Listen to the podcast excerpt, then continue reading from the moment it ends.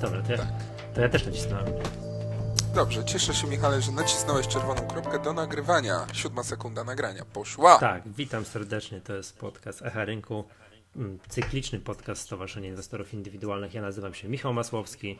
A ja nazywam się Iżyński Rafał. Ale w ogóle w ciężkich czasach przyszło nam rozmawiać. Życie, To jak- wybory.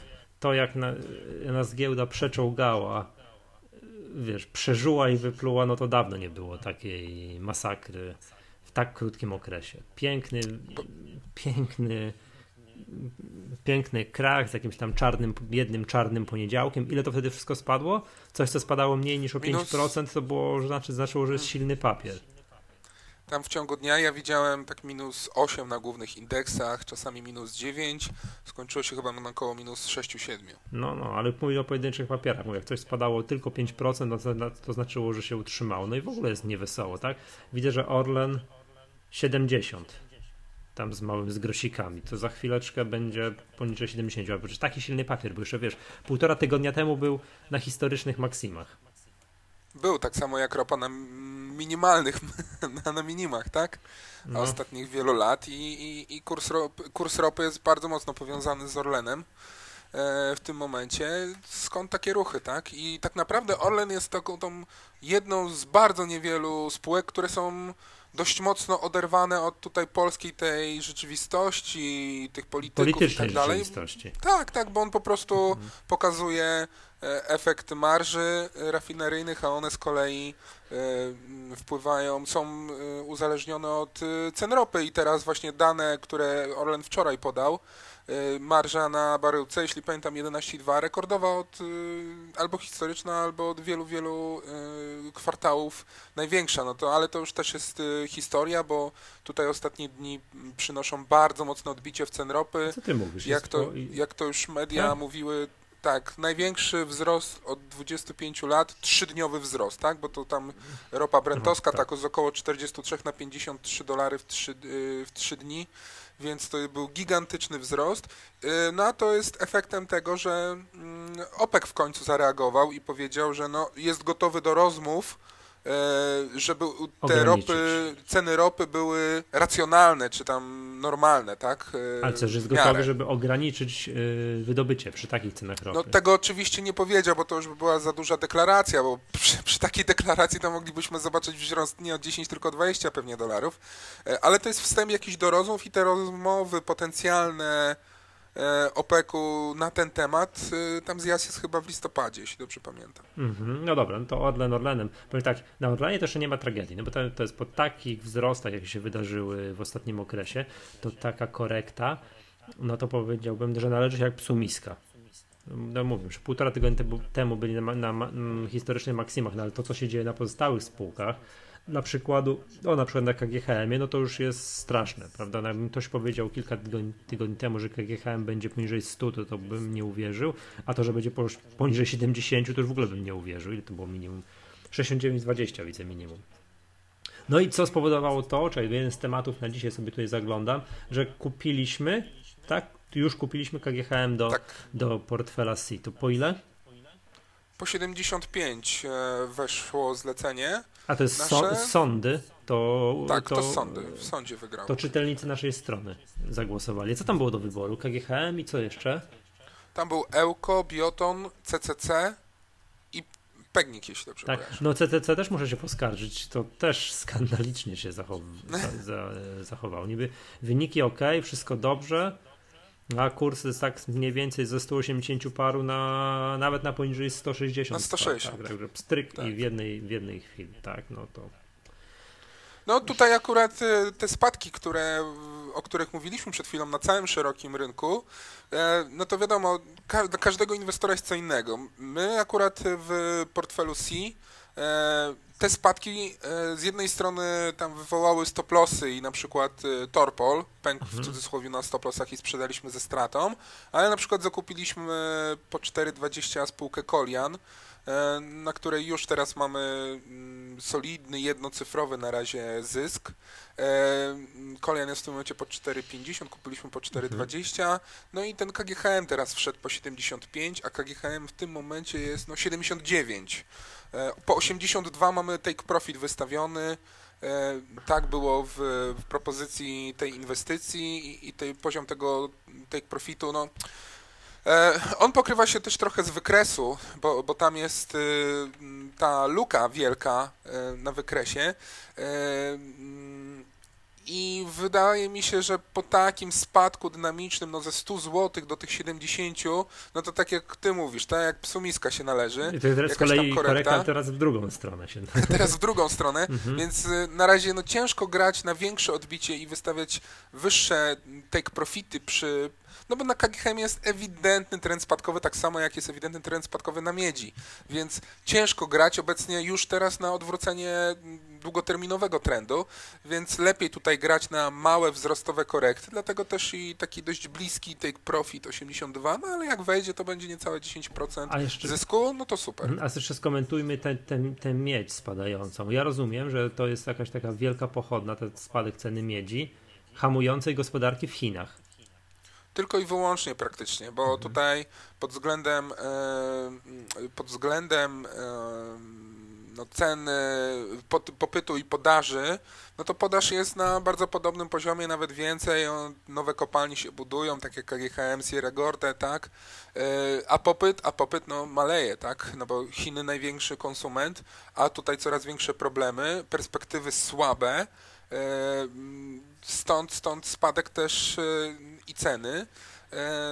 Do tego dochodzi, no to jednak e, jest wszystko powiązane wśród inwestorów, że no jak spada ropa naftowa, ona była głównym driverem i wyznacznikiem, która jest jednym z pierwszych surowców, które tak mocno zaczęło spadać w dół, E, no pociągnęły inne rynki surowcowe, takie jak no, złoto przynajmniej, tak? Bo 1100 jest teraz, a było po 1900 jeszcze nam 3 lata temu. E, I, I mówiło się, że będzie po 5000, słyszałem takie no, prognozy. Dokładnie, dokładnie, więc e, do tego umocnienie dolara, tak?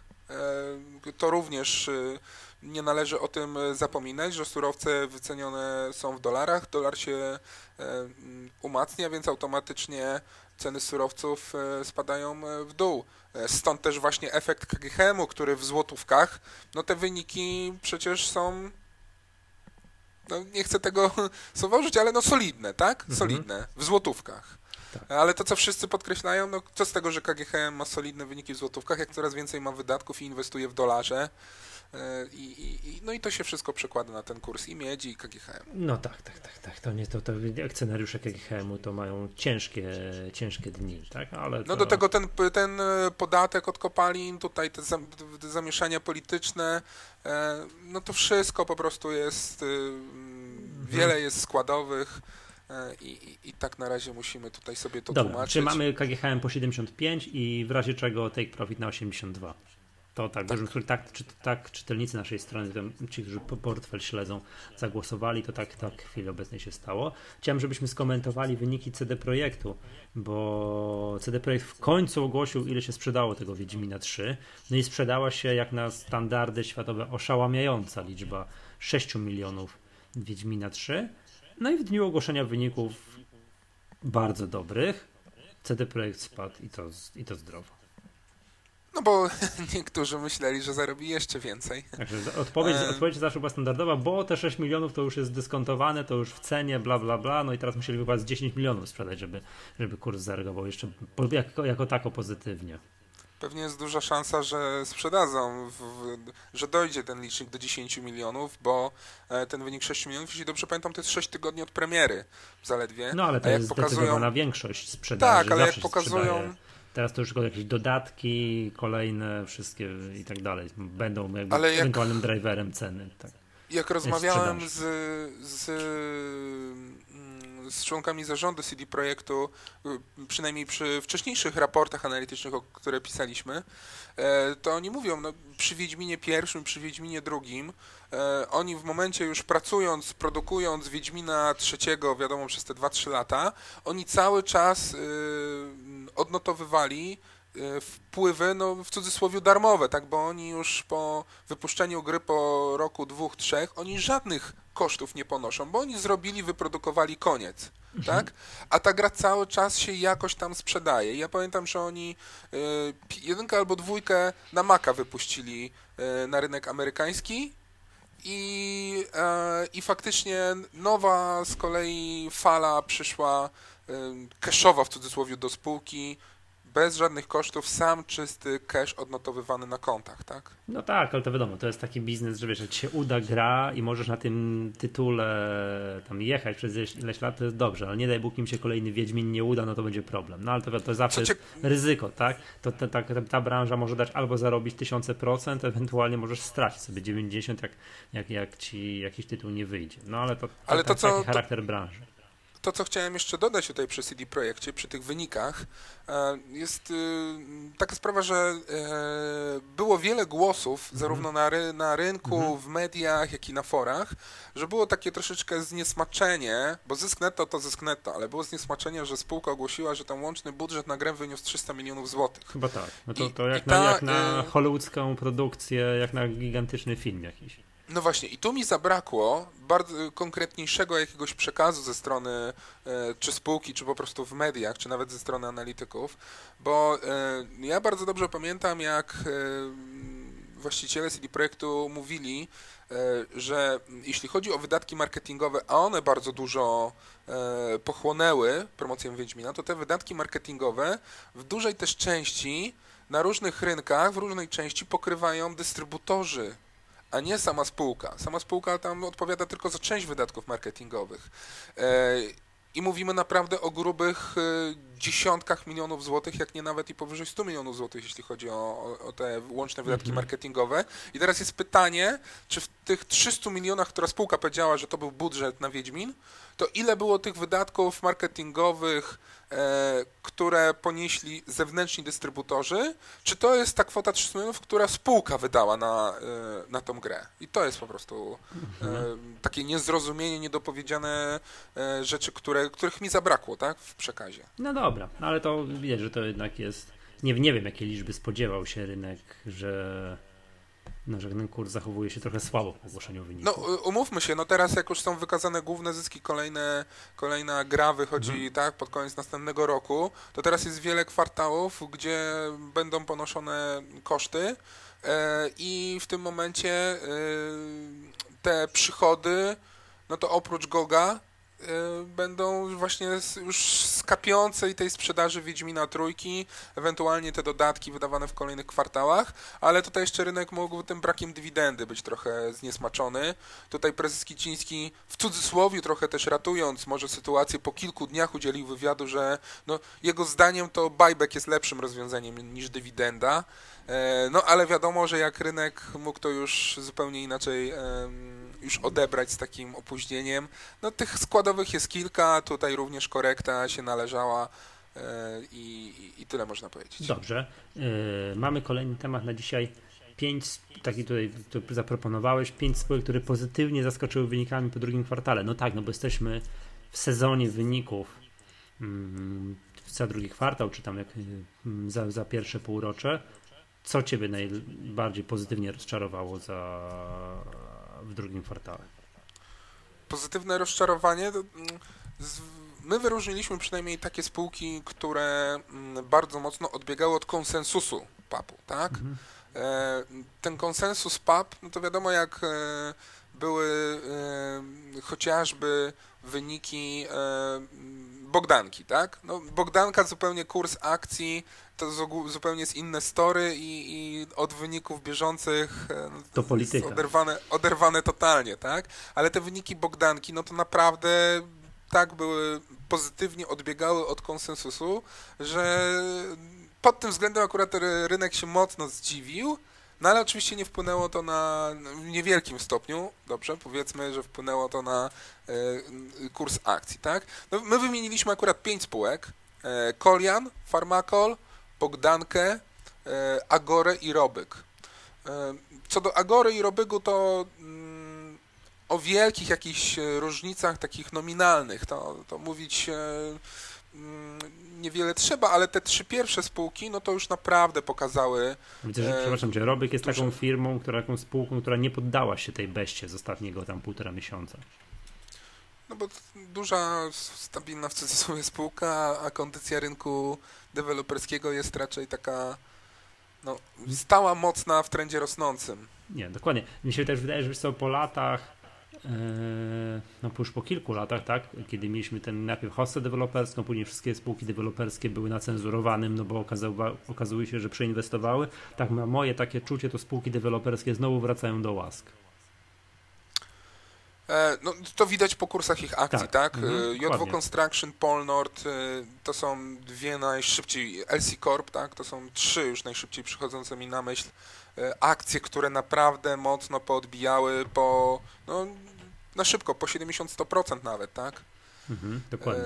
Dobra. Więc, więc to jest sporo. No, A te, Agora, no, ma, Agora ma co odrabiać, to w kursie, no to spółka medialna, to żeśmy dyskutowaliśmy już kiedyś o Agorze, że ona tak. Oj, to jeszcze dużo czasu będzie zanim akcjonariusze Agory będą zadowoleni. No i to właśnie wyniki, tak? To... Yy, co tam, Kolian? No, Kolian akurat, który, który my akurat zakupiliśmy do portfela przed wynikami, e, no to konsensus zysku netto był 5 milionów 400, spółka pokazała 13 milionów, to 140% więcej od konsensusu. E, co prawda reakcja rynku nie była jakaś taka plus 15 czy plus 20, bo to było tam plus 5, plus 7 po wynikach. Mm, no ale faktycznie tutaj y, stopień rentowności bardzo mocno, widocznie może analitycy nie, nie doszacowali e, tego konsensusu, tak? Mhm. E, co do farmakolu, to ciężko mi się wypowiadać. I technicznie Kolian pięknie wygląda. No Max atakuje z 2009 i 2010 roku. E, pamiętajmy, że Kolian, on, on ma tam wyemito kapitał zakładowy, to jest e, ilość akcji wszystkich, to tam jest chyba 170-180 mhm. milionów, więc to, to, już przełożenie o, o nawet 50 groszy o złotówkę to jest gigantyczny wzrost wartości już jednak tej spółki, kapitalizacji. Więc no, ciężko tutaj się raczej spodziewać takich wzrostów po 50-80%, tak? przy tak dużej ilości akcji wyemitowanych. No ale stabilny trend wzrostowy niech sobie rośnie, skoro C ma to w portfelu. To jest podstawowy argument za wzrostem. Czekam na to, aż spółka, jakakolwiek spółka zaraportuje w raporcie bieżącym, że jest duży czynnik wzrostowy, bo C kupiło za 2,5 tysiąca złotych akcje danej spółki do portfela. Za 1800. No, tak. tak, że to jest. Czekam na pierwszy raport bieżący, że jest. No dobra. e, tak. Dalej e, Farmakol i trzecią spółką e, był, była Bogdanka notabene. Bogdanka, która, e, zwróć na uwagę, e, zakryła tą lukę spadkową. No, albo jest. Gigantyczną. Albo jest, patrzyłem dzisiaj właśnie, albo jest już tak do zakrycia. Już no, dokładnie. Jest jakby tu, tu mało jej brakuje, żeby zakryć. Czekasz sobie wyświetla, bo to jednak licząc od ostatniego Nie, już zakryła.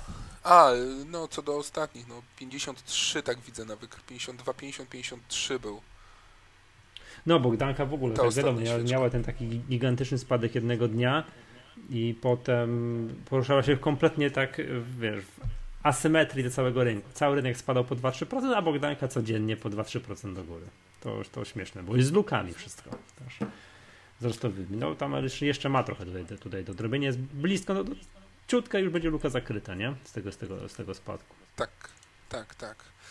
No i tak naprawdę jeszcze mm, takim... Przepraszam, jest duży now... wywiad z prezesem Stopą na stronie e, na stronie C. Właśnie w kontekście tych zamieszań z Eneo i, tak, i z tym wypowiedzeniem umowy. To wszystko jest u nas na stronie C. Jest piękny, duży, ładny wywiad. No jeszcze z takich nowości z życia C, no to pojawił się y, update raportu PZU. No właśnie, bo to jeszcze chciałem zapytać. To dobrze, że kupili tego Aliora, czy nie? Widziałeś, czy czytałeś z presem y, Aliora? Jeszcze e, zależy który, bo no, ostatnio trochę tego się pokazuje. No ten, w którym on mówi, że branża bankowa to już ma najlepsze dni za sobą, tak. że jest teraz będzie przeregulowana, że idzie, że zmienia się, że tak jak banki były dynamicznie rozwijającymi się firmami usługowymi i tak zmierzają w kierunku urzędów. Że będzie tak deregulowana branża, że bankowcowi nie będzie w obecności klienta, że nie będzie mógł wypowiedzieć na głos słowa frank szwajcarski. Ani w ogóle, wiesz, bo za to będzie może karę otrzymać. Także, no, no, że, że jest powiedział... lekko zdegustowany, że gdyby dzisiaj miał zakładać Aliora, to chyba by nie zakładał. Tam coś jakimś myśli o innym biznesie. Ale on już właśnie nawet e, dokładnie opisał ten biznes, e, którym, którym mhm, się którym bardzo myśl. mocno interesuje, ale sam powiedział na pytanie dziennikarza, e, to dlaczego pan teraz już nie zakłada, może już będzie tak. za późno za te kilka lat, jak pan skończy tą w cudzysłowie misję budowania e, dużego banku. No, mówi, no, no, no, no ryzyko teraz już jest, e, nie jest fair, żebym się wycofał i zaczął budować biznes, więc, mm. więc no, no tak, podejmuję to ryzyko. Ale widziałeś, że było smutne, że, gdyby że prezes Sobierej powiedział, że gdyby dzisiaj, w 2015 pojechał do Londynu znowu zbierać fundusze, że założy nowy bank, no to już kompletnie inna atmosfera, że raczej by go w tym momencie powiedzieli, nie, nie, nie, no to nie jest dobry moment na zakładanie nowego banku. Gdyby tak by mu inwestorzy powiedzieli. To nie jest dobry sygnał, skoro prezes dużego banku no, mówi takie coś, no to generalnie dla branży to nie jest najlepsze sformułowanie. No i teraz w tym wszystkim pojawia się to, że jednak PZU kupiło kawałek tego Aliora. No dobrze, kupiło... że kupiło, czy niedobrze? E, PZU moim zdaniem troszeczkę nie ma wyjścia e, i e, z ilością środków, którymi oni dysponują, lokują i tak dalej, i tak dalej, oni muszą po prostu jakoś uciekać i, i dywersyfikować te swoje środki. Poza tym też szuka nowych pomysłów inwestycyjnych, stąd strategia PZU 3.0, czyli nowe dwa filary, tak? Czyli zarządzanie mm, aktywami, czyli ta działalność inwestycyjna, ale funduszowa i tu mają nastawienie na dużych inwestorów instytucjonalnych, z którymi albo razem będą inwestować w projekty, albo, będą, albo PZU będzie po prostu zarządzać e, tymi e, ich zagranicznymi aktywami. E, a druga strona no to ochrona zdrowia, tak? E, I, i tutaj mm, ten segment PZU chce zbudować do 2020 roku taki podmiot, który będzie w stanie konkurować, tak? Czy z Medicaverem, czy, czy z LuxMedem, e, ale co ciekawe, no, zamierza kupować, zresztą już to realizuje, te małe jakieś ośrodki ochrony zdrowia prywatnej, konsolidować to i finalnie PZU nawet zakłada, że po prostu sprzeda to. Oczywiście mhm. synergie, synergie potencjalne są z tą dużą działalnością PZU, więc, więc taki jest pomysł. Zresztą ten sam pomysł dotyczy przejmowania teraz tej, tych inwestycji w sektor bankowy, bo docelowo również PZU, nawet jak kupi te dwa, trzy kolejne jeszcze banki, powyciąga synergie kosztowe, następnie potencjalne synergie wyciągnie właśnie z działalnością ubezpieczeniową swoją i tu jest chyba ta to największe miejsce do generowania zysków, korzyści i wzrostu po prostu e, na, na tej in, dużej inwestycji, mhm. to docelowo PZU też mm, zakłada, dopuszcza możliwość, że sprzeda albo ten cały twór, który stworzy, a jak nie sprzeda w całości, no to będzie po prostu na przykład poprzez wprowadzi na giełdę i będzie jakimiś tam pakietami e, w cudzysłowie realizowała zyski na tej inwestycji. No ale czekaj, to na razie jest proces odwrotny. Zanim, zanim wprowadzi, zanim sprzeda, zanim zrealizuje zyski, to, to jeszcze jest długa droga. Na razie to chce kupować. To takie jest zamierzenie, tak? Razie, to takie jest zamierzenie, na razie a kupuje no. dlatego, no bo obligacje Skarbu Państwa, w które jest zaangażowane, bardzo dużo. Tam w raporcie jest dokładnie opisane, ile tam tych obligacji Skarbu Państwa ma. 54 miliardy łączne są środki teraz, e, którymi PZU mhm. sobie lokuje, w cudzysłowie. E, no i no, jakie jest oprocentowanie na obligacjach skarbowych? No, Nie sam wiem. wiesz, nawet niskie. Wiem, ultra niskie, prawda? No i w tym momencie PZU ma proces dywersyfikacji tego wszystkiego.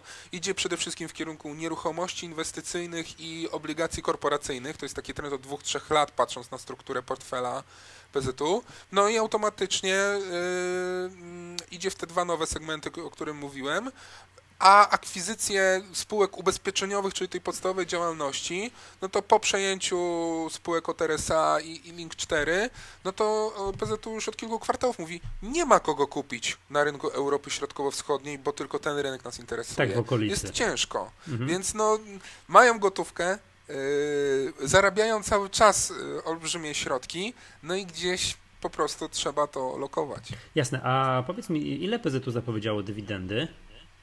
30 zł jest y, przegłosowane. 30, równiutko. Tutaj teraz w chwili obecnej, czekaj, 3, moment, mam coś. 30, y, a jest kurs 431, tak? 30 dzielone na 7%, niecałe. Czyli elegancko. No teraz elegancko, ale tak jak zakończyłem ten y, raport mhm. takim akapitem perspektywa dywidendy za 2015 rok i kolejne lata, no to tutaj y, wiele na to wskazuje, że potencjalna dywidenda za obecny rok już nie będzie 30, tylko będzie niżej. Mhm. No to mało optymistyczne, ale dobra, raport PZU jest też u nas na stronie dostępny. Piękny, du tak. piękny duży, taki długi raport, jak ktoś tam jest kogoś interesują takie inwestycje i co PZU zrobi z 50 miliardami złotych, to wszystko jest u nas na stronie. Dobra, słuchajcie, to wszystko na, na, na dzisiaj. Chciałem tylko powiedzieć, że tworzy się konferencja Profesjonalny Inwestor. Tam ja będę się teraz starał prawie, że codziennie odsłaniać jakieś nowe nazwiska, które się u nas pojawią. Także proszę to śledzić. Będziemy w kolejnych odcinkach podcastu przypominać. No i cóż, no to, to chyba tyle, tak? To życzę wszystkim hossy jesienne już po powrocie z wakacji. Już dosyć, ja dosyć tego odpoczynku. Nie, teraz, teraz tak, byle do października. Tak jest moje jakieś czucie sytuacji. Potem rynek odetchnie, bo sytuacja po, będzie zmiana, koniec m, wszystkich możliwych decyzji politycznych, które teraz bardzo mocno ściągają w dół wszystkie spółki z udziałem Skarbu Państwa, które tak z, z przerażeniem patrzą. No ale to, to, to hossy po październikowej wszystkim życzę. Dobra, to dziękuję bardzo. To był podcast Rynku. Nazywam się Michał Masłowski. Dzisiaj razem ze mną nagrywał. Niżyński Rafał. Wszystkiego najlepszego. Do usłyszenia następnym razem.